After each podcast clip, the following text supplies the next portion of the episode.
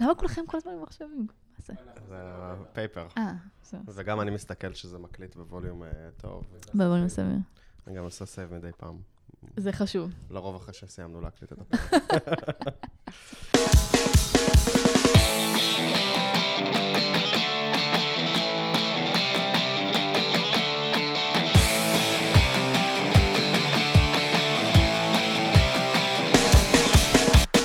בוקר טוב, ברוכים הבאים לפרק מספר 59 של מפתחים חסרי תרבות. התאריך היום הוא ה-14 לאוגוסט 2018. בוקר טוב, גל צלרמייר. וואי, לא יודע למה, אבל יש לי דז'ה וו. בוקר אור אבי עציוני, מה שלומך? בדיחה שרק אתה תבין, כן. כשתשמע את הפרק. שלומי נהדר, מה איתך? מעולה. ואהלן ליטל חסין, איזה כיף שבאת, סוף סוף. סוף סוף. שלום, שלום, איזה כיף להיות כאן. למאזינים שהם לא מטיבי לכת, גל אמר בפרק 50, נשאלנו שאלה את מי היינו רוצים להביא לאירוח, והוא אמר ליטל חסין, והבאנו. כיף. זו לא השאלה שאני שאלתי? יש מצב האמת. יכול להיות. זה היה הרמה להנחתה.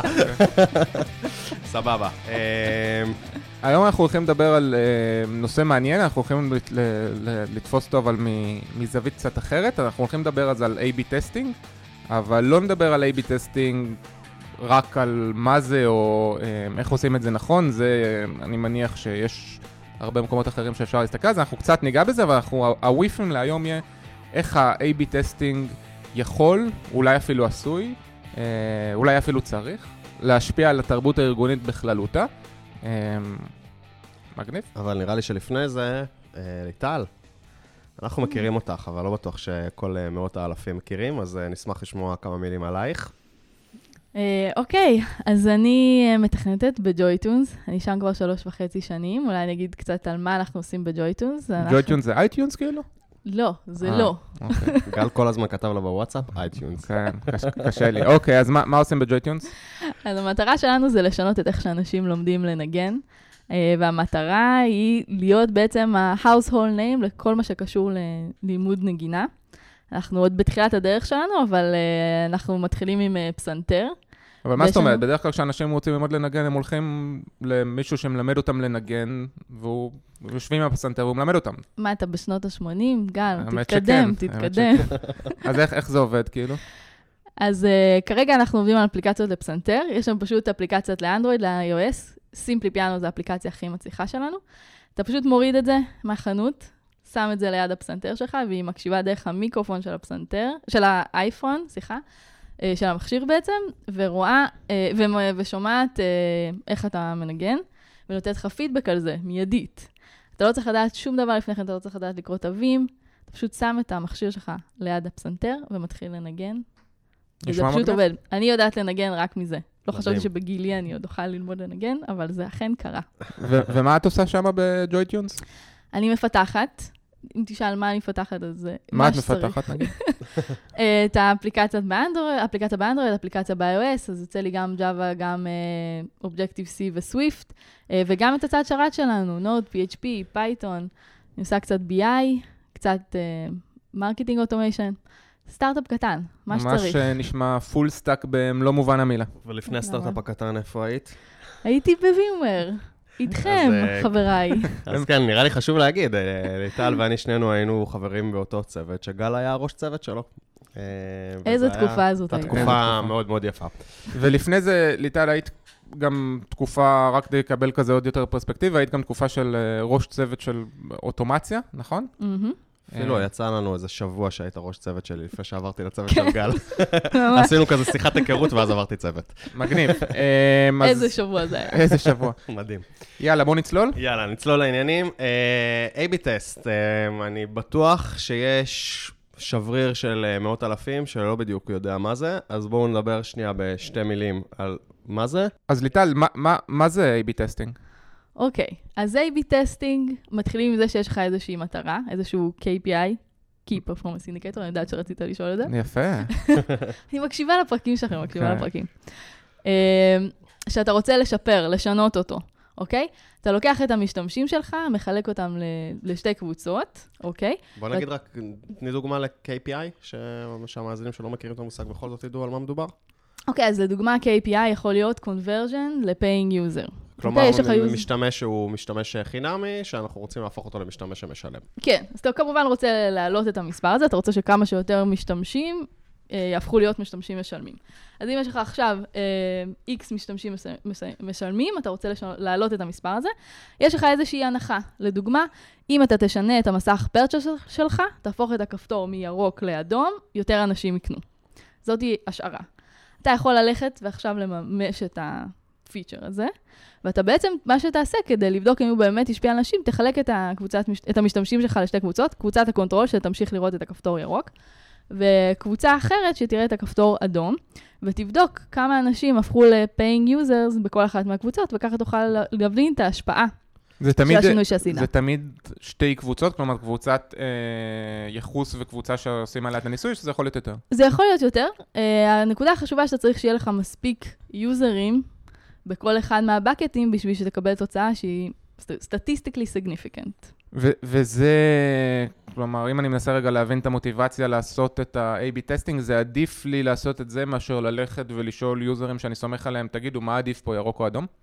הם יכולים להגיד לך המון דברים, כי הם יגידו לך כן כי הם חברים שלך, הם יגידו לך כן כי בכלל אתה שואל אותם, אז... אה, כן, גם יוזרים לא תמיד, בעיקר אה, כשמדברים על אפליקציית קונסומר, אפליקציה לצרכן קצה, הם אה, יכולים, אתה יכול לעשות להם סקר, הם יגידו לך שהם רוצים אה, א' ב' ג', ובפועל אה, כשאתה תשחרר את זה הם ישתמשו רק בד', שבכלל הם לא, הם לא ידעו שהם כן. רוצים. זה כאילו הכי קרוב למה שאתה תראה בסופו של דבר בשטח, שתשחרר את הפיצ'ר הזה לכולם. ובעצם צריכים אז, כדי לעשות את זה בצורה טובה, זה נשמע לי שצריכים קצת להבין סטטיסטיקה, נכון? כי אתה צריך לדעת כמה, מה, מה גודל המדגם שהוא ייצג, ומה, לא יודע, מה אח- אחוז השגיאה, איך קוראים לדבר הזה? סטיית תקן אולי, כן. אבל אחוז השגיאה הזה בהחלט בא מזה. אה, כן, לגמרי, צריך ידע בסיסי במתמטיקה. אה, אצלנו, אה, למזלנו, ה-CTO שלנו, אה, רועי ציקובסקי, מתכנת על וגם בעל תואר שני בסטטיסטיקה, אז הוא עוזר לנו המון במקרים האלה. אה, אני יכולה להגיד שאני הרבה משתמשת ב- בכלי אינטרנט, יש כמה כאלה. אבי ישים לנו לינק ב- ב notes אחר כך, לאחד מהאהובים עליי. שגל אחראי על המקורות. אה, העברתם אה, אחריות? לא, זו תמיד הייתה האחריות שלו. זה תמיד הייתה אחריות שלי, אני פשוט עשיתי לו דלגציה. אז כלי אינטרנטי? כן, אז יש כלי אינטרנטי, יש כמה כאלה, שפשוט אתה יכול להכניס אה, מה גודל הקבוצה שלך, מה הגודל של התוצאה בכל אחת מהקבוצות, והוא יגיד לך אם התוצאה היא statistically significant או לא.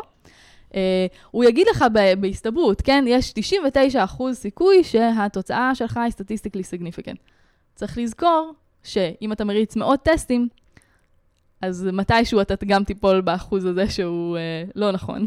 כן, משהו שתמיד, זה אומנם לא ה- הבסיס של הפרק הזה, ותכף נלך למקומות אחרים, אבל משהו שתמיד עניין אותי בנושא של A-B testing, אין, אה, אם אתה מריץ מאות טסטים, או אפילו ארבע טסטים, אין ביניהם אה, קורלציה שיכולה מאוד להשפיע על ה... אם החלפתי את הכפתור לירוק, אבל כפתור אחר החלפתי לצהוב, אז אולי, לא יודע מה. אז מאוד חשוב לעשות את הטסטים בצורה נכונה, כך שהם יהיו בלתי תלויים. אתה צריך גם לדאוג לכך שהיוזרים שמגיעים לבקטים שלך יהיו בלתי תלויים, כן? אם אתה תעשה את הכפתור, אה, הטסט עם הכפתור שהזכרתי מקודם, על חלק מהיוזרים שבעצם רק מגיעים נגיד מ-paid channels ולא מטראפיק אורגני, יכול להיות שזה ישפיע על התוצאה. גם כל uh, טסט יכול להיות שיהיה לו השפעה ארוכת טווח. כן, אם users ראו את הכפתור אדום, ואחר כך בחידוש הם לא יראו את הכפתור אדום, יכול להיות שזה ישפיע. וזה... יש השלכות מתגלגלות, אה, שינוי שקשור ל conversion יכול להשפיע בעתיד על retention. אז צריך להיזהר באיך שעושים את הטסטים האלה, אה, אבל זה כבר אה, פחות קשור לסטטיסטיקה, יותר לאיך שבונים בכלל את הטסט מלכתחילה ואיך האפליקציה עובדת. אפשר לפני שאנחנו צוללים איזה דוגמה למשהו שהוא אה, לא כפתור אדום-ירוק, כי זו הדוגמה שתמיד נותנים. בטח, בטח. בוא אז- ניתן איזה דוגמה לאיזה flow, לאיזה פיצ'ר מעניין, משהו כזה. שאנשים יבינו על מה מדובר בפרקטיקה, כי תמיד נותנים את הדוגמה הזאת, של אדום-ירוק. אוקיי, סבבה. אז קודם כל אני אגיד שיובל קמינקה עשה הרצאה על אה, חלק? מה... יובל קמינקה הוא ה-CTO, ה- CEO, המנכ"ל המנכ"ל. של, אה, של ג'ויטונס. אה, הוא בעצם עשה הרצאה על אה, כמה וכמה A-B טסטים שהיו אצלנו, שהיו ממש מפתיעים. אף אחד לא חזה אצלנו את התוצאות ש, שהיו. זה יאללה, תני לנו את הכי מפתיע. הכי מפתיע, היה לנו מסך פרצ'ס, שלא הספקנו לפתח אותו, היינו חייבים לצאת. הוא יצא מכוער. המסך היה חתוך בשני הצדדים, והוספנו סקרול בשביל שכאילו זה ייכנס. זה יצא, ככה, זה היה ה control שלנו, ואז כשהשלמנו את המסך, סידרנו שהכל ייראה כמו שצריך, כמו שהדיזיינר שלנו תכנן מלכתחילה, הוצאנו את זה כמו כל דבר אצלנו ב-AB טסט, זה עשה פחות טוב, ולקח לנו המון המון זמן למצוא עיצוב אחר שיצליח לנצח את המסך ה buggy. העיצוב הטוב, שאשכרה מתאים לגודל של המסך, עבד פחות טוב מעיצוב מכוער... אה, לגמרי. אבל זה לא יכול להיות בגלל שהמשתמש... פה זה... הם... המשתמשים היו רגילים כבר ל-X או ל-A, ואז שמתם על זה איזשהו X טאג או B, אז פשוט אולי לקח להם זמן להתרגל. אה, אבל תחשוב על זה שגם המסך, העיצוב החדש, שבסוף ניצח גם את העיצוב הבאגי, הוא בסוף ניצח והוא היה חדש. Mm-hmm. אבל זו נקודה גם כן חשובה, צריך לחשוב על זה גם כן. אנחנו תמיד מקפידים לעשות את הטסטים שלנו רק על יוזרים חדשים, בכל מה שקשור ל conversion, כדי אה, להימנע מה bias הזה. אבל זה bias, זה גם חשוב ש, שקיים, שצריך להיות מודעים אליו. Uh, בהרצאה של uh, יובל קמינקה יש ממש, uh, זו הרצאה מוקלטת שיש את המסכים, אז אנשים יכולים לראות את ה... תשלחי את זה לכל המקורות אחר כך? Mm-hmm. נפלא. בהחלט. טוב, אז נראה, נראה לי שדי הבנו עכשיו מה זה A-B testing, uh, וממש קצת נגענו באיך עושים את זה, אבל למה זה בעצם חשוב? מה... זה נשמע לי נחמד, אבל זה קריטי? יכולה לתת קצת נקודות על המוטיבציה של למה, כי זה הרי השקעה גדולה. כן, בשורה התחתונה זה קריטי מאוד, אוקיי? בוא נסתכל בחזרה על הדוגמה של קונברז'ן, הסטארט-אפ שלך בשביל שהוא ירוויח כסף. זה המדד שבסופו של דבר יגיד אם הסטארט-אפ אה, ממשיך או ימות. כל פעם ה-KPI שלך זה הדבר שאתה הכי רוצה לשפר. כן, ולמה אתה, לשפר את זה ככה? כשאתה עושה את זה, אתה... זה לא חסר עלות. כן, לעשות טסט או, או, או, או ניסוי, זה עולה לך, כי בהגדרה אתה עכשיו שומר אה, שני ורז'ות של המוצר, זה אומר שיש לך שני ספורט, שני, שתי אנליטיקות על הדבר הזה, כלומר זה עולה. זה אומר שכתבת את הקוד אה, פעמיים, זה אומר שאתה צריך... Mm-hmm. אני מניח שיש לכם איזו תשתית uh, in place שאתם כתבתם כדי להריץ את הטסטים, כי יש כל מיני תשתיות open source ל-AB testing, אבל מהניסיון שלי בדרך כלל אתה צריך לכתוב, או לפחות מאוד מאוד לקסטם כן, אותן. נכון. Uh, כאילו אולי זה יכול לעזור לך בעיקר באיסוף של הדאטה, אבל uh, בסוף לקסטם את המערכת, להחליט איזה משתמשים נשלחים לאיזה טסט וכולי, זה בדרך כלל משהו שצריך לעשות in-house. אז יש לזה עלות מאוד מאוד גבוהה. Mm-hmm. אז בעצם אנחנו שואלים על ה-ROI, על ה-return of investment פה, כלומר, העלות לעומת תועלת. כן, אז אין ספק שלעשות A-B testing זה עולה הרבה. אבל הרווח פה הוא מאוד גדול. אתה עושה שינוי, ואתה יכול לדעת בוודאות אם הכיוון שאתה עושה את השינוי, הוא יוביל אותך בסופו של דבר למטרה שלך. אחרת אתה הולך על עיוור, אתה עושה שינויים לכל המשתמשים שלך, ואולי הם יצליחו ואולי לא, תוכל לראות את זה אולי עוד הרבה זמן.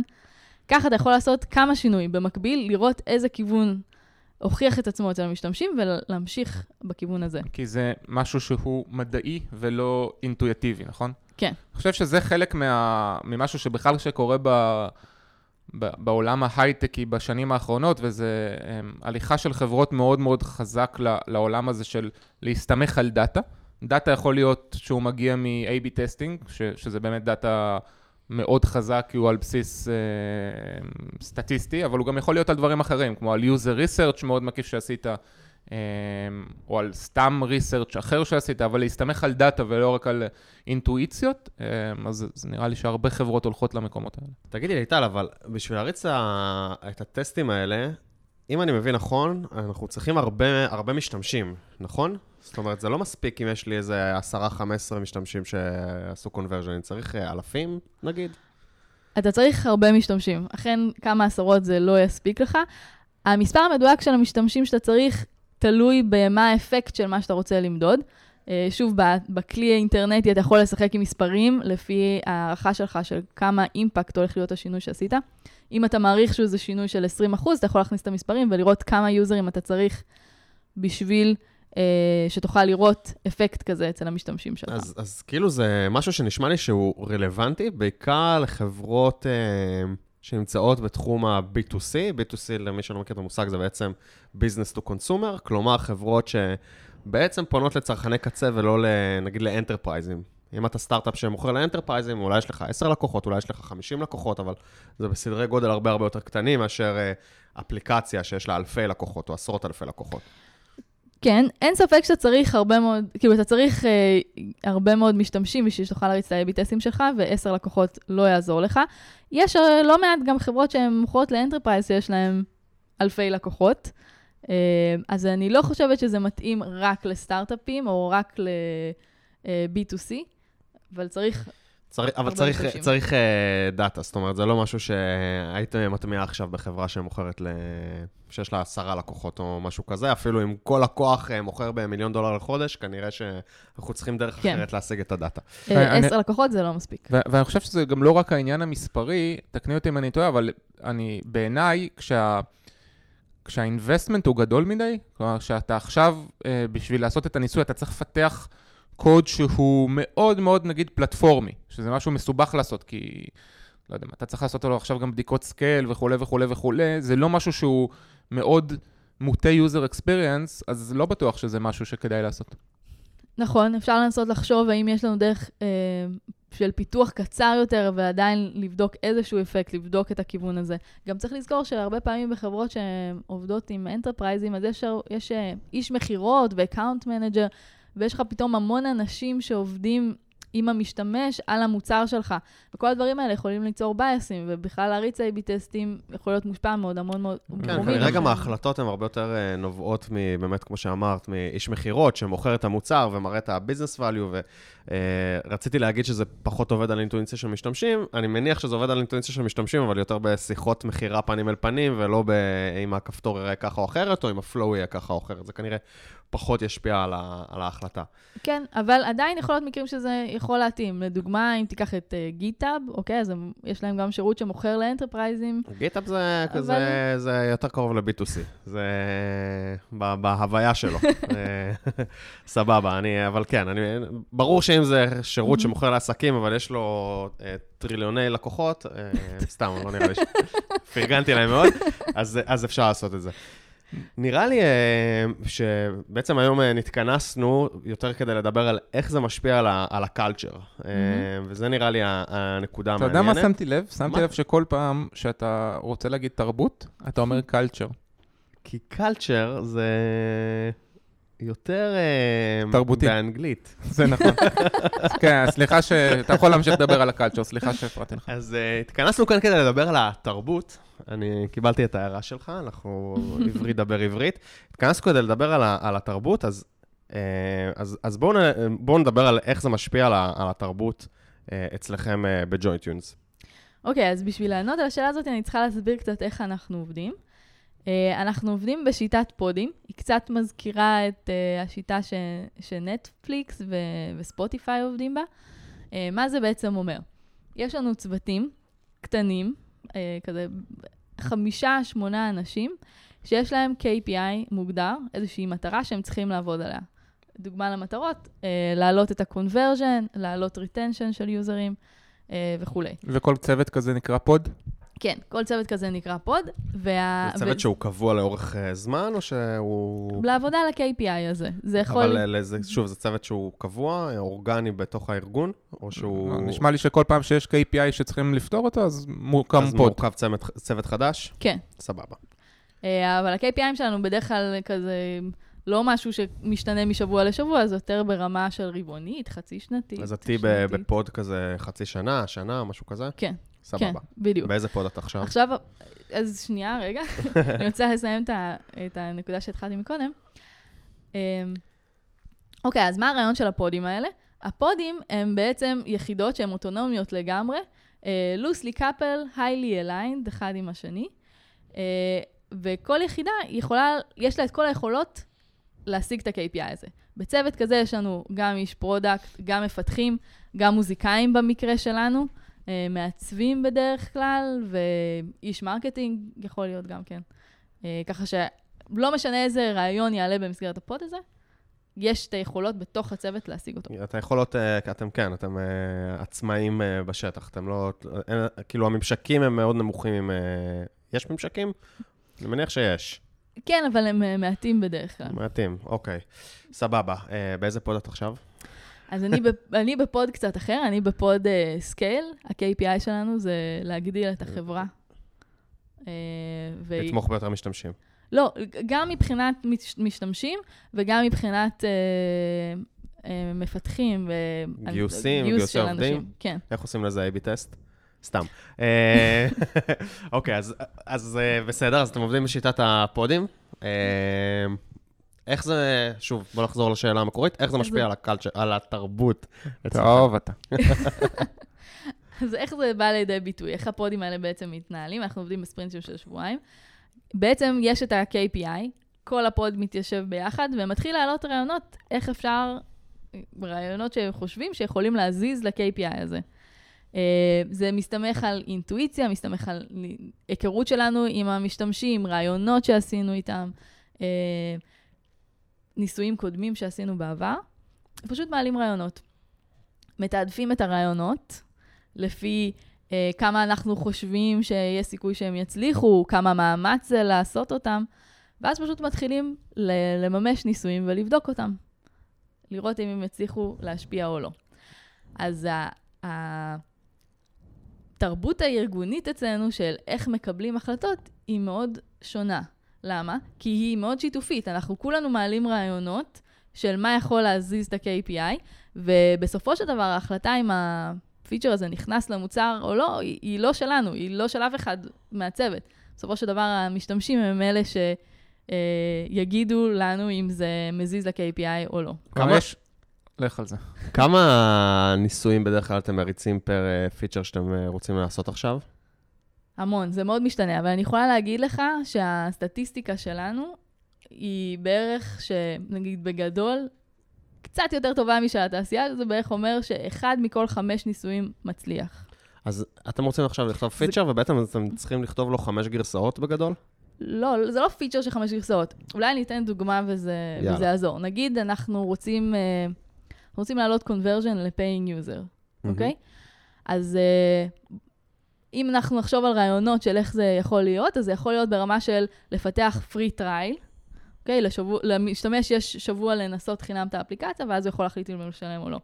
אבל זה יכול להיות כיוון אחר לגמרי, זה יכול להיות אה, כיוון של בוא נשלח למשתמשים שלנו אה, מקלדות, ואז אולי הם ירצו, ייהנו יותר באפליקציה וירצו לנגן.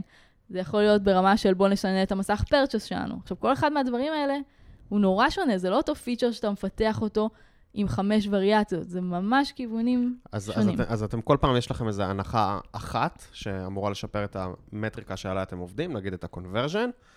אתם, על ההנחה הזאת אתם כותבים את הפיצ'ר, ועושים כן. עליו A-B טסט. כמה פיצ'רים כאלה נזרקים לפח? אז היחס שלנו זה בערך 1 ל-5. זה אומר שמתוך חמישה פיצ'רים שאנחנו מפתחים, אחד מצליח ובסוף נכנס למוצר, ואת הארבעה האחרים, זורקים זורקים לפח. לפח. ובהגדרה כל... אה, אמרת קודם שלא אתם מקבלים את ההחלטה מה קורה, כי מי שמקבל את ההחלטה זה הניסוי. אז בהגדרה כל פיצ'ר ש... או כל ניסוי שהצליח, אה, הוא נכנס למוצר, לא משנה... כלומר, זו, זאת ההחלטה של משהו שנכנס למוצר או לא, כן? זה לא... אין... תראה, אנחנו ברור שאנחנו מסתכלים על דאטה, גם צריך לזכור שלכל feature יש גם השוואה, השפעה ארוכת טווח. יכול להיות ש feature שיועיל ל conversion יפגע ב retention. אז זה לא שזה נעשה לגמרי בוואקום. אה, ורק אם זה עוזר ל-KPI שלנו, אז לא משנה כאילו מה יקרה אחר כך. אבל בגדול, אם זה מתאים לחזון שלנו, לכיוון שאנחנו רוצים לקחת, זה עוזר ל-KPI שלנו. אחרת בכלל לא הייתם מתחילים את הניסוי, נכון? אבל אני אגיד לך מה קצת מפריע לי, ב... זה נשמע לי מצד אחד ממש מגניב, מצד שני, את אומרת ש... אמ, שמלבד החלק שאתם בו עושים את ה brainstorm, ואז הכל לגמרי חופשי, שמתבסס גם על אינטואיציות וכולי וכולי, אחרי זה הכל הוא מאוד data driven וספציפית אה, מונע על ידי הניסויים. אבל יש משהו באינטואיציה, אני חושב שדיברנו על חלקים בזה בפרק Mhm. של יפתח בר, בפרק מספר 34. 30 ו... 4. תודה לך, אמ, שהוא... ש- שאי אפשר להחליף אותו. כלומר, יש אנשים מסוימים שיש להם ניסיון אה, מאוד מאוד עמוק ב, ב, במשהו, אה, ושם יש להם אינטואיציה שהם לא מסוגלים להסביר מדעית, ויש סיכוי אפילו, לא יודע, לעמוד אותו בכמה, שניסוי הצליח, אבל הוא הצליח בגלל ש... אה, כל מיני טעויות סטטיסטיות בדרך שהגדרנו אותו, או בגלל שהוא קצר טווח וכולי, אבל אינ- אינטואיטיבית, אני מבין שמשהו יתפוס, אולי הוא לא יתפוס עכשיו, הוא יתפוס עוד שנתיים, אה, ואז אני בעצם מאבד את זה, לא? אז אה, גם זה, חלק מכל השיטה הזאת של לעבוד עם פודים ולעבוד data driven, זה מעודד המון שקיפות. אז כל המידע הזה, כמו שאתה הזכרת, המקרה הזה, זה משהו שמעלים אותו, ואז אפשר לחשוב ביחד איך אנחנו אה, יכולים לאשר או להפריך את, ה, את הטענה שלך. יש לך טענה שעוד שנתיים משהו יועיל. האם יש משהו שאנחנו יכולים עכשיו לבדוק, שיכול להראות לנו שזה באמת יועיל עוד שנתיים? ואין ספק שיש... אה, אה, זה לא בא במקום האינטואיציה. קודם כל, כמו שאמרנו מקודם, האינטואיציות זה מה שעוזר לנו בכלל לבוא עם הניסויים שאנחנו רוצים לבדוק אותם. אי אפשר לבדוק את הכל, הזמן קצר, אז זה עוזר לנו בתעדוף. אנחנו עושים המון שיחות עם משתמשים, המון... מביאים משתמשים אלינו למשרד ורואים איך דברים נראים עליהם, אז זה בטוח לא במקום. תגידי, שאלה... עוד משהו רק אחד שאני רוצה להגיד, כאילו, לפעמים אתה ממש חייב את זה, כי נגיד אם אתה רוצה לשפר retention של, אה, של user שנתיים קדימה, איך אתה עושה את זה עכשיו? אתה חייב להתבסס על איזשהו משהו כדי שתוכל לבדוק את זה. משהו אינטואיטיבי. ויש יש כאילו ממש, אה, זה, זה בעיה מאוד קשה, אה, ואפשר לדבר גם על זה בהרחבה. לא יודעת, כדאי לנו עכשיו. פרק 122. תגידי, מהניסיון שלי כשעובדים, זה לא משנה כל כך אם זה A-B testing או איזשהו אה, קבלת החלטות אחרת שהיא מבוססת על, על Data Driven, אה, בהגדרה עובדים יותר לאט. וגם ממה שאת מתארת, שרק ניסוי אחד מתוך חמש מצליח, אז חמישה אה, מצליחים, אז זה, זה נשמע לי שהקצב הוא יורד. זה נכון? כלומר, אם, הכל דו, אם כל החלטה שצריכים לקבל היא, היא מונעת מדאטה, ולא תמיד יש את הדאטה, כי אתה צריך לחכות לניסוי, כי אתה צריך לעשות user research, whatever, אז אתה ממתין. אז זה נכון שלטסט אחד, ברגע שהוצאת אותו, אתה צריך עכשיו לחכות, אה, קצת תלוי בכמה משתמשים יש לך, אבל אה, נגיד בערך שבועיים, בין שבועיים לחודש בשביל לדעת אם הוא הולך או לא. אה, אבל אתה מריץ, הרעיון פה שאתה מריץ כמה ניסויים במקביל. אוקיי? בזמן שעכשיו יש לך טסט רץ, אז אתה כבר מנסה משהו אחר, ומתקדם בכיוון אחר. וככה אתה יכול לבדוק במקביל המון דברים. ואם בכלל, אני, התרבות שלכם בכלל, זו תרבות שאת, של קבלת החלטות מהירה, או של קבלת החלטות שהיא קצת איטית, בגלל שכל הזמן מחכים לדאטה? לא, לא, לאו דווקא בהכרח לניסויים, אלא בכלל שאלות כלליות על קבלת החלטות. לא, אני חושבת שדווקא זה מכריח אותך לנוע מהר. אתה עכשיו שחררת משהו, או אתה מחכה לזה עכשיו עוד חודש, מה אנחנו עושים עכשיו בינתיים? אנחנו בודקים כיוונים אחרים, אנחנו מתחילים לפת, לפתח את ה feature הבא. יש גם כיוונים שכאילו אנחנו יודעים שהם הצליחו, ואנחנו עושים עליהם double down, יש להם סיכוי יותר גבוה. אז אני לא חושבת שזה בהכרח מאט אותך. אחד הדברים ש... זה כל הזמן, כאילו אתה כל הזמן מאשש שאתה מתקדם לכיוון הנכון. במקום להתקדם אה, עם הראש מתחת למים, ואז לתת עוד שנה, ולא לדעת בכלל אם אתה בכיוון ל-KPI שלך או לא. אחד, אחד הדברים שמעניינים אותי באמת בהקשר הזה של אה, קבלת החלטות, אמרנו שחלק משמעותי של הקוד אה, נזרק אה, החוצה אם הניסוי נכשל, mm-hmm. ודיברנו כל הזמן על ה-ROI, על כמה החזר על ההשקעה יש לי כשאני מריץ את הניסויים האלה. איך אתם מחליטים בכלל איזה, איזה ניסוי להריץ? כי נראה לי שזה גם כן בטח משהו שהוא מאוד אינטואיטיבי, כי עולות כל מיני הצעות. ויש הצעות שלוקח אה, הרבה זמן לממש, ויש הצעות שלוקח פחות, ויש הצעות שהאימפקט שלהם על המורכבות הטכנולוגית של המוצר הן אה, יותר, אה, יותר משמעותיות. איך אתם פותרים את זה? כי זה בעצם נראה לי עדיין נשאר במקום המאוד אמוציונלי, אינטואיטיבי, אני מניח. אוקיי, okay, אז כל הסיפור של אה, איך, מש... איך פיתוח A-B testing אה, משפיע על הפיתוח הטכני של ה featureים, בואו נשים את זה שנייה בצד, אנחנו נדבר על זה בהרחבה עוד מעט. איך אנחנו בוחרים איזה A-B test בעצם להריץ? אז uh, זה בעצם החלטה של כל ה pod. כל ה pod ממש יושב ביחד באותו חדר. כולם, אחרי שעשו את ה brainstormים וכולם העלו את הרעיונות, אז מתחיל דיון של מה כדאי לנו לעשות. ואין ספק של המורכבות של כמה הולך, כמה הולך להיות uh, מסובך להרים את הניסוי הזה בכלל, גם נכנסת כאחד השיקולים. אבל גם אינטואיציות, שיחות עם משתמשים. אה, תוצאות של ניסויים קודמים, אני מניח. כן, לגמרי. ו- ויש אנשים בחברה שבגלל הניסיון שלהם, עם, עם היוזרים שלנו שנמצאים הרבה זמן בחברה, יש להם אינטואיציות מאוד מאוד טובות. הם ראו כבר המון טסטים שהרצנו. ואין ספק שיש להם say יותר גדול, זה אנשי ה product שלנו, ואנשים שמנהלים את, ה... את ה podים. ויש לי עוד שאלה בהקשר הזה. אה, אנחנו מדברים פה הרבה על הנושא של quality אה, של קוד וחובות טכניים. אם בעצם אנחנו רוצים, אני מניח שאתם רוצים להגיע לניסוי מהר, דיברנו על זה, ואתם יודעים גם מראש שבסיכוי של 80% אמרנו, הקוד הזה הולך להיזרק לפח, נכון? כאילו, כן. אמרנו רק אחד מתוך חמש נשאר. איך זה משפיע על המורכבות הטכנית, על החוב הטכני שיש לכם בחברה? כי אני מניח שאתם בטח רצים מהר על הפיצ'ר, כותבים אותו בטח quick and dirty. מהמם. האם זה לא יוצר אצלכם המון המון חוב טכני בקוד? אוקיי, אז אין ספק שלעבוד בשיטה כזאת, כמו שאנחנו עובדים, שהיא מאוד Data Driven, וכמו שאנחנו עובדים, שזה ממש לקחת את כל הנושא של ה-Data Driven וה-AB testing ל extreme, מאוד משפיע על המפתחים ועל איך שעובדים עם הקוד.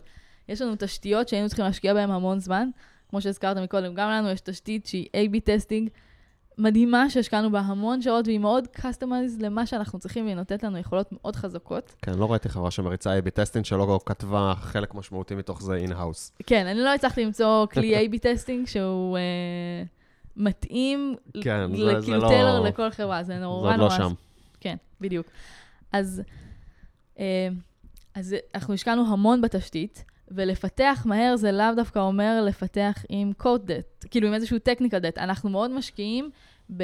יש לנו סטנדרטים מאוד גבוהים של קוד, יש לנו מתכנתים מנוסים שעובדים על זה שהקוד יהיה ברמה גבוהה, אבל עם זאת, אנחנו מאוד מוכוונים טסט. אנחנו לא מפתחים הכנות של מזגנים, אה, כי אנחנו יודעים שהטסט, יש סיכוי שהוא לא יצליח. אבל זה לא מאוד- מיותר לכתוב קוד איכותי לטסט שב-80% אנחנו הולכים לזרוק, למשהו שב-80% אנחנו הולכים לזרוק אותו? לא. לכתוב אוקיי. okay. קוד ברמה טובה, זה, זה טוב כי אתה תוכל להתקדם יותר מהר, אתה תוכל לבדוק את הפיצ'ר עכשיו שאתה מוציא.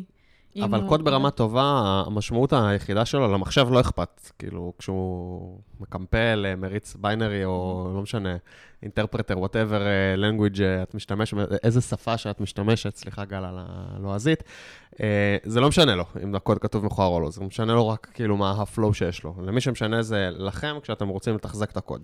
לכן קוד שהולך להיזרק לפח עוד שבועיים, אין סיבה לכתוב אותו טוב, בוא נכתוב אותו quick and dirty. לא, אז עוד פעם, אתה כותב את הפיצ'ר, אבל אתה תצטרך לבדוק אותו. אני המפתחת צריכה לבדוק אותו. כן, ברור, אבל את לא תצטרכי לתחזק אותו אם תזרקי אותו לפח. אבל עוד לפני שיצאתי, שהוצאתי אותו, אני צריכה לתחזק אותו. סוג של תחזוקה, אני, לתקן אני את חושב הבאגים, לכתוב לזה טסטים. ס- סליחה, תקני אותי אם אני טועה, אבל אולי החשיבה היא שהניסוי הוא לא... אתה, אתה לא מת- מסתכל על זה כעל מה אני אשמור ומה אני אזרוק לפח. הניסוי הוא חלק, הניסוי הוא הפיצ'ר. כן, כלומר, כמובן, אבל אתה רוצה... אבל אם הניסוי הוא הפיצ'ר, שעכשיו, זה, זה לא איזה משהו שאתה, אתה לא מסתכל על זה כעל משהו שאתה זורק, אתה מסתכל על זה כעל משהו שאתה מנסה. כאילו, כן. ואז אתה רוצה שהוא יהיה טוב, לא? כן, גם ה- השינוי פה זה שאני בתור מפתחת, אני לא מאוד attached לקוד. יש סיכוי שאני אזרוק אותו אחר כך, אבל אני מאוד attached לניסוי. אני מאוד רוצה שהניסוי יצליח. אני אכתוב את הקוד ככה שיהיה לנו אחר כך את כל הכלים כדי לעשות את העוד טוויק, כדי לראות אם זה הצליח, כדי uh, שהניסוי הזה יהיה כמה שיותר מוצלח וטוב. אני לא רוצה להוציא ניסוי שיש בו באגים, כי זה יהיה בזבוז לא, לא. באגים, אבל פשוט אה, אין לו תשתית. לדוגמה, אני אתן, אנחנו מדברים פה הרבה על conversion. את רוצה לה, להריץ אה, אה, קופון שקופץ למשתמש אה, אחרי אה, יומיים מההרשמה, ואת רוצה להריץ קופון שאם הוא נכנס אה, עשרה ימים ברציפות אה, למערכת, אז הוא מקבל אה, קופון שנותן לו את ה subscription יותר בזול, את המנוי יותר מהמם. בזול. אז טכנית את יכולה לפתח עכשיו תשתית שמאפשרת לי להריץ קופונים עם כזה רולים של מתי הקופון ירוץ ואיזה טקסט יהיה עליו, את יכולה לעשות את זה. אבל אם, אם ההנחה, הטסט שלך הוא האם אני זורק לו עוד יומיים קופון מההרשמה, האם הוא יירשם או לא, את לא צריכה לכתוב לזה תשתית, נכון? נכון, אז יכול להיות שבאמת במקרה הזה אני לא אכתוב תשתית לקופונים, אבל זה לא אומר שהקוד שאני אכתוב הוא לא יהיה ברמה גבוהה, זה דבר אחר. ודבר שני, אם אני יודעת שאנחנו מתכננים לעשות כמה טסטים בנושא קופונים, כי אנחנו רוצים לבדוק כל מיני scenarioנים, אז אז, כן יכול להיות שכן יהיה כדאי לי לכתוב. אבל סבבה. שוב פעם, לכתוב תשתית זה לא אומר שהקוד, כאילו לא לכתוב תשתית ולבחור לא לעשות הכנת למזגנים, זה לא אומר שהקוד שכן כתבתי הוא לא ברמה גבוהה. אז אני אומר, אפילו נשמע לי שאני יכול לכתוב את זה כזה ממש ב front-end, כזה if מכוער כזה, תקפיץ קופון, ואחרי זה כאילו לסדר את זה.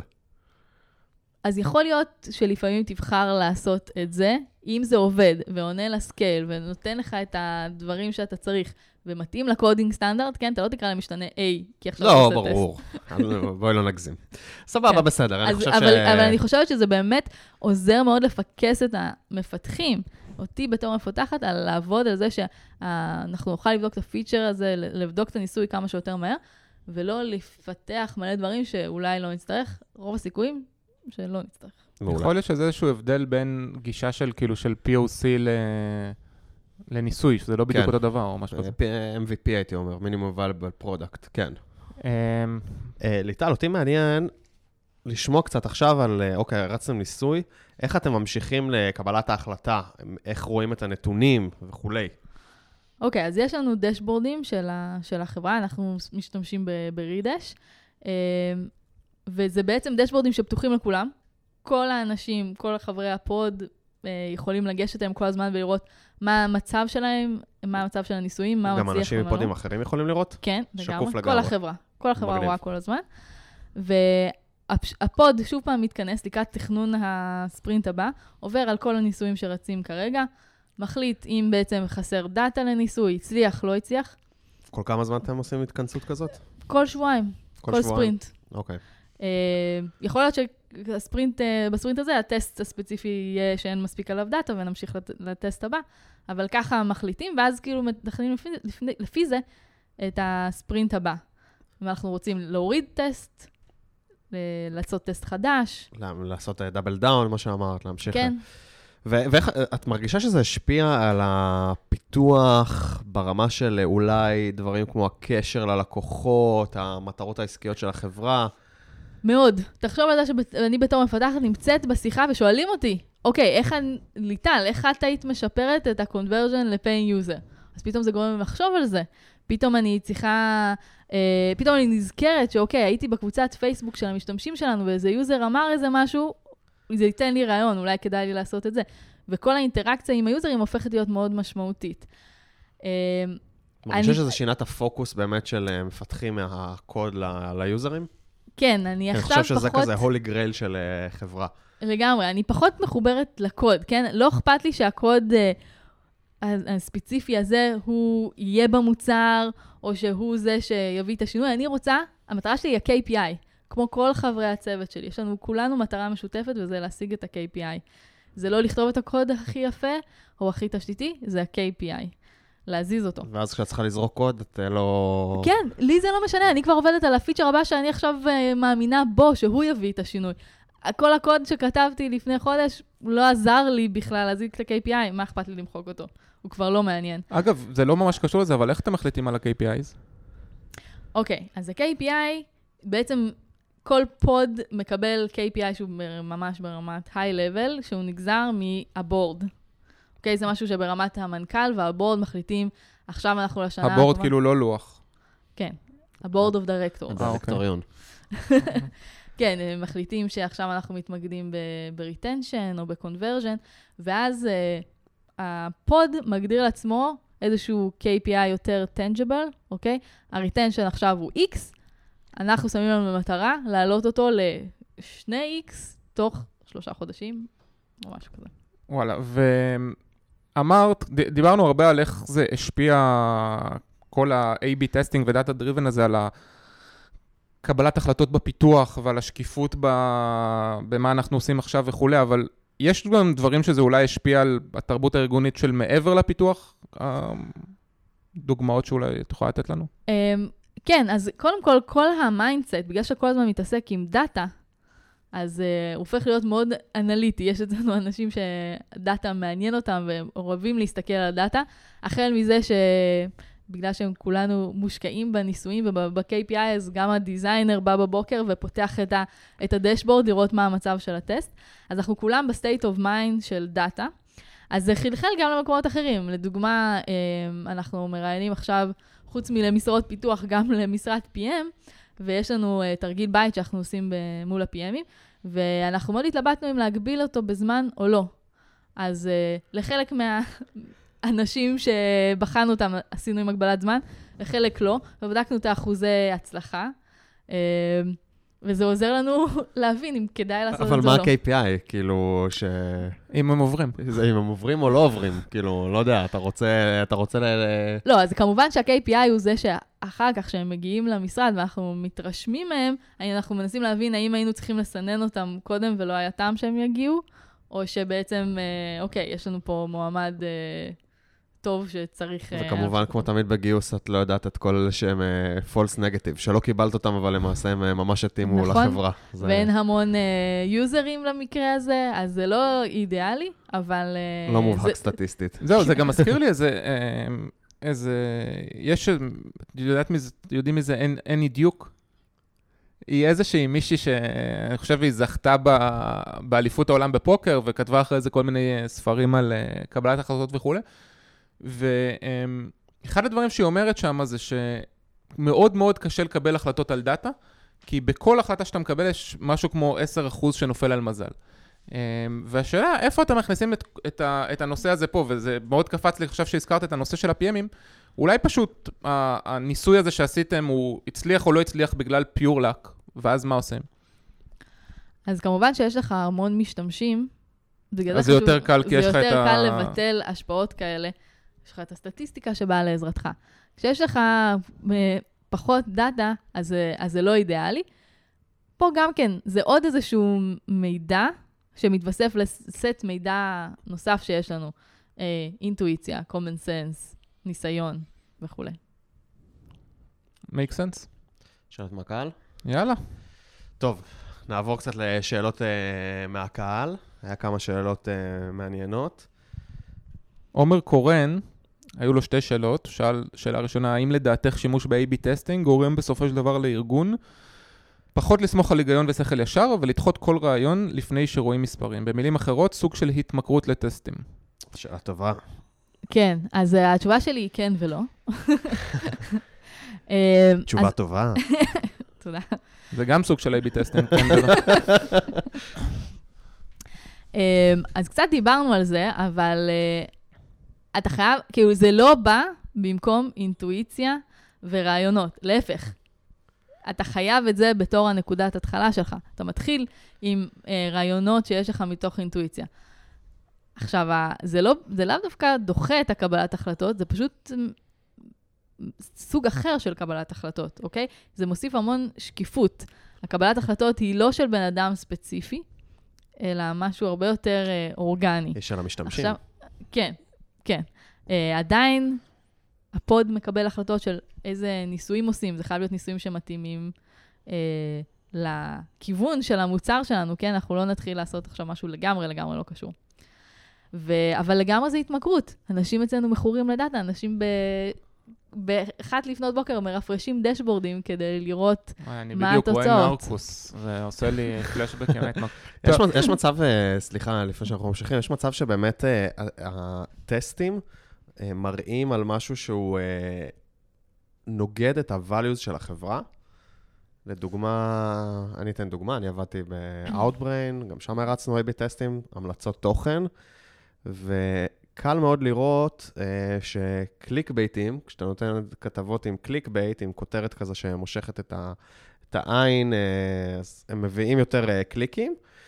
אבל uh, הרבה פעמים אתה תראה ש, שהם מביאים, uh, שבעצם זה לא קליקים איכותיים. זאת אומרת, אנשים נכנסים לכתבה, רואים שסתם זה היה פיתיון ויוצאים החוצה, ואז נתת להם בעצם מוצר שהוא יותר דפוק. זה, זה קורה גם כן, uh, הבייס הזה ב-AB טסט, שאתם מחליטים לא ללכת על ניסוי כי הוא לא מתאים ל-values של החברה?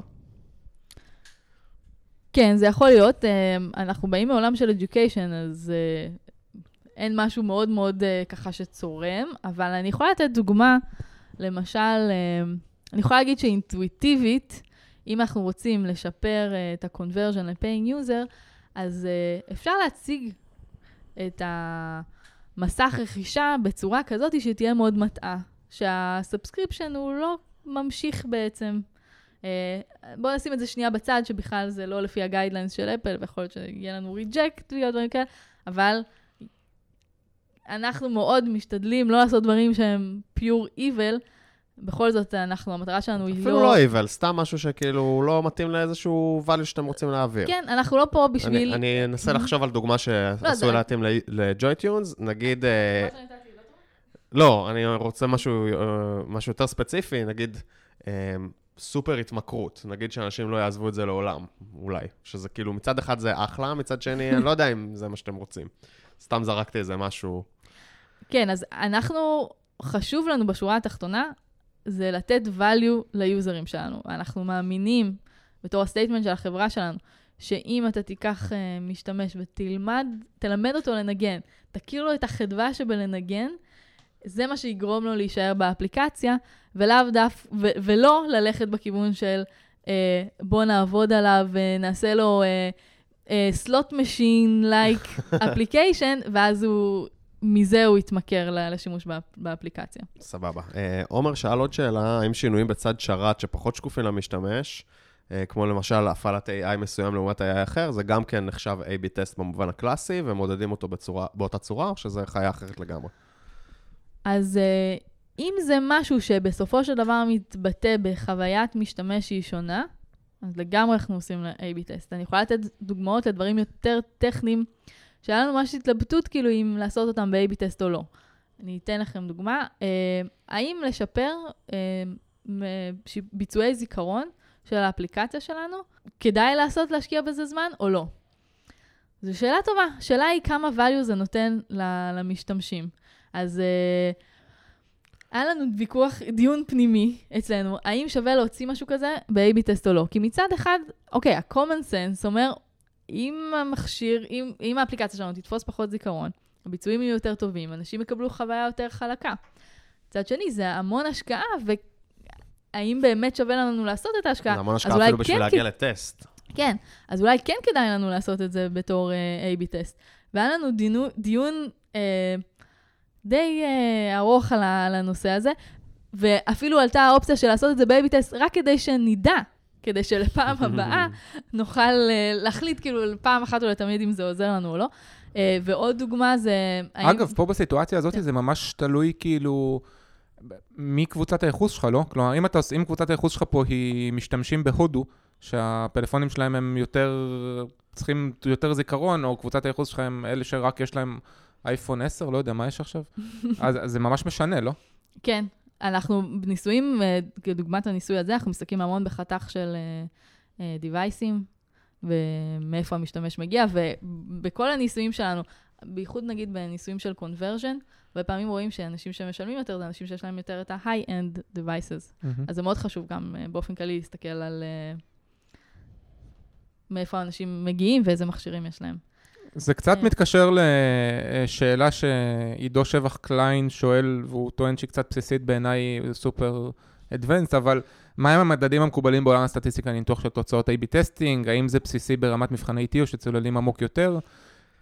והאם מקובל לעשות מערכים עם יותר משני רמות או יותר ממשתנה אחד. מה זה מבחני T? אז נראה לי קצת באמת לצלול למתמטיקה מאחורי הדברים. אה, אז בואו ננסה לענות על זה קצת יותר בהיי-לבל. אה, אין בעיה לעשות טסטים עם אה, יותר מ bucket אחד מול ה control. מה זה bucket אחד? זה כאילו שתי קבוצות ניסוי? כן, כן. אבל חשוב לשים דגש על אה, שיהיה חוסר תלות בין הקבוצות, אה, חשוב לשים דגש שיהיה לך מספיק יוזרים בשביל הבקטים האלה, אז עדיין אתה חייב את כל הכלים הסטטיסטיים בשביל להיות מסוגל לנתח את הנתונים שלך כמו שצריך, אה, אבל זה לא שיש איזשהו איסור כללי ל... ובהקשר הזה, של כמה... של כמה בקטים, אז יוני מנדס שואל איך מתמודדים עם טסטים אוטומטיים כשיש לך אה, כמה בקטים שאתה צריך פה הרבה מכפלות. אוקיי, okay, אז אין ספק שלעבוד בצורת A-B testing מקשה על הבדיקות. זה מוסיף overhead שצריך לקחת אותו בחשבון. Uh, במקרה שלנו, יש לנו גם uh, את החלק ה-UI, שלא, אין לנו בדיקות אוטומטיות, אבל ללא ספק יש לנו uh, קוד לוגיקה בצד של ה-UI וקוד שרת שאנחנו עושים עליו, עושים עליו בדיקות. המטרה היא שיהיה מאוד קל להדליק ולכבות את כל הפיצ'רים החדשים שאנחנו מוסיפים, ושה-AB טסטים, מעצם הגדרה, יהיו בלתי תלויים כמה שאפשר. אז אנחנו פשוט מדליקים ומכבים את הטסטים שאנחנו רוצים לבדוק ובודקים אותם.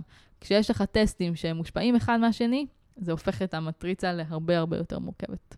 מגניב. Uh, ליטל, היה ממש מעניין. תסכמי לנו רגע על כל הדברים המעניינים שדיברנו עליהם? אוקיי, אז דיברנו קצת על מה זה A-B טסט ולמה זה בעצם החיים. Uh, אמרנו שבעצם זה בדיקות שעושים על חלק מהמשתמשים בשביל להבין את ההשפעה של שינוי שעושים במערכת. Uh, הסברנו למה זה מאפשר להתקדם מהר ולקבל פידבק מהמשתמשים על שינויים. Uh, ודיברנו על איך זה משפיע על התרבות אצלנו בג'וי-טונס. איך זה משנה את דרך קבלת ההחלטות, איך זה משפיע על שקיפות, איך זה משפיע על הפיתוח, כשאני פחות attached בתור מפתחת לקוד ויותר מחוברת למטרה של ה-KPI אה, של ה pod שלי. נראה לי יש לנו שם לפרק. כן. A-B test זה החיים. תכלס. ליטל, היה ממש כיף, היה ממש מעניין, אה, ותודה שהגעת, חיכינו. לזה. כן. איזה כיף, כן ירבו. כיף. אה, אתם מוזמנים אה, לעקוב אחרי הטוויטר שלנו, זה מאוד מאוד חשוב לגל ברמה האישית. מאוד חשוב, הטוויטר זה החיים, תכלס. אה, וכמובן אחרי הקבוצה שלנו, ששם הכל קורה, מפתחים חסרי תרבות הקבוצה. אה, השבוע היינו מקום ראשון אה, באייטיונס. מקום ראשון- באייטיונס, בכל הקטגוריות, לא בקטגוריית טכנולוגיה, זה היה מדהים. אז מי שמקשיב באייטיונס, אתה יכול לשבת, תנו לנו חמישה כוכבים. ואנחנו עובדים על זה שזה גם יהיה בספוטיפיי, הם אה, קצת קשים, אבל יהיה בסדר. זה בדרך, כן. זהו, שיהיה לכם יום קסום. ביום קסום. תודה רבה. יאללה ביי. ביי ביי.